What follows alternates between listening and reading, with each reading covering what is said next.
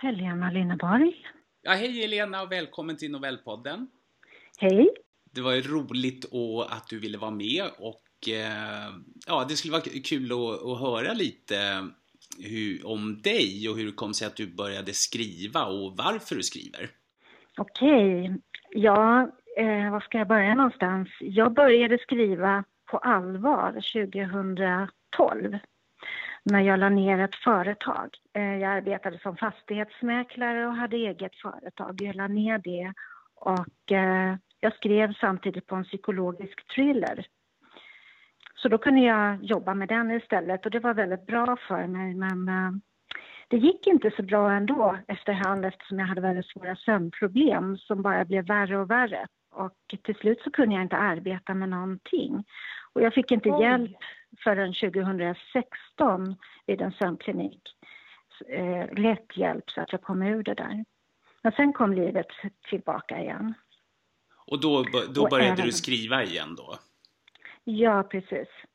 Och, eh, och... Ja, men jag skrev, jag skrev även när jag mådde dåligt, men den där thrillern, den, den fick liksom vänta.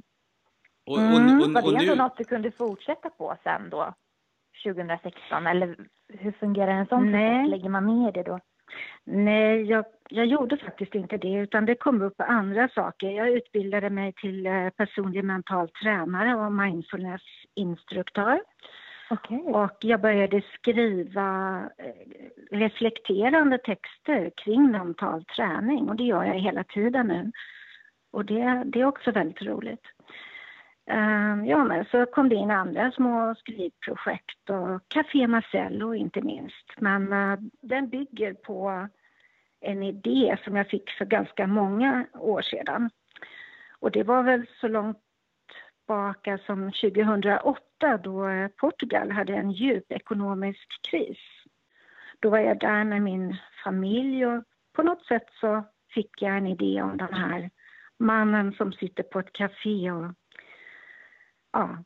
ja det, det är ju väldigt intressant och, och eh, det, den har ju också blivit publicerad ska vi säga i eh, Short Science som TG förlag ger ut. Precis. Men eh, är, skriver du mer du säger att du skriver reflekterande texter men, men känner du att du vill blanda det med lite fantasitexter? Ja men precis, jag vill faktiskt skriva lite av varje. Eh, de reflekterande texterna kommer jag hålla på med inom ramarna för mitt arbete. Men sen vill jag göra skönlitterärt också. Och det kommer nog bli mer och mer novell tror jag. Och så har jag också skrivit en del poesi och det skulle jag gärna komma tillbaka till.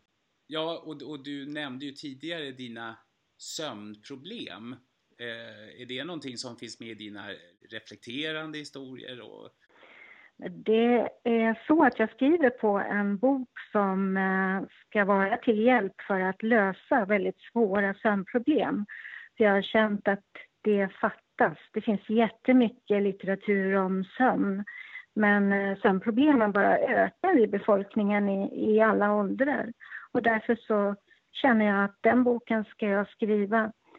Den, den ska vara väldigt lätt att ta till sig, lite av en handbok kanske. Hur man kommer över sin sömnlöshet då? Ja, det blir det. Och eh, en del råd som man kanske inte normalt får på andra håll. Och så har jag också skrivit en del poesi och det skulle jag gärna komma tillbaka till. Men det, det kan man inte bara bestämma sig för utan det känns som att uh, poesin måste komma till en. Jag tycker det är roligt med olika genrer helt enkelt. Och, ja, men jag tror att det kommer bli ganska mycket novell faktiskt. För att uh, jag får väldigt lätt idéer. Och då är det ju roligare kanske att satsa på novell än att ha jättestora skrivprojekt med roman. Det, det är väldigt omfattande. Mm.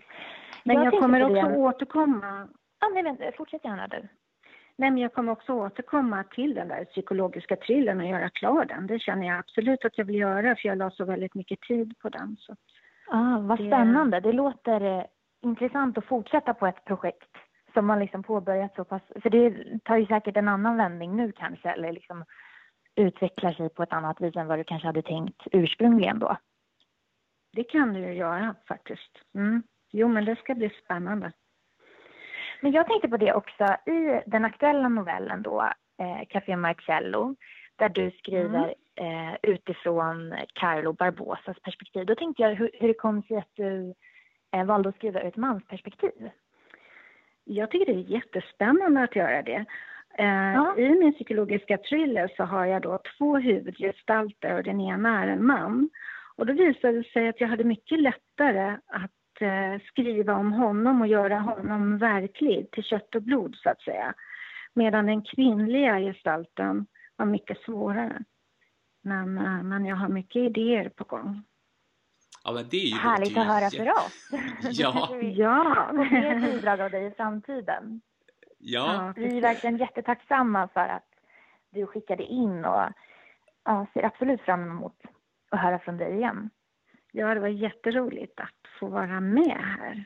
Ja. Jag tycker också det var härligt med den här eh, novellen som ändå utspelar sig vid lite liksom, varmare breddgrader. I, det här, I Stockholm idag är det väldigt ruskigt. Så att ja, men precis. Då kan man bli lite varmare när man lyssnar. Ja. ja. Det är inte ja. dumt. Men eh, jättestort tack Helena för att du var med och så eh, ser vi fram emot att se mer av dig då. Och din psykologiska thriller kanske. Ja, men precis. Jättestort tack att jag fick vara med. Tack själv. Ja, tack bra. själv. Ha det bra.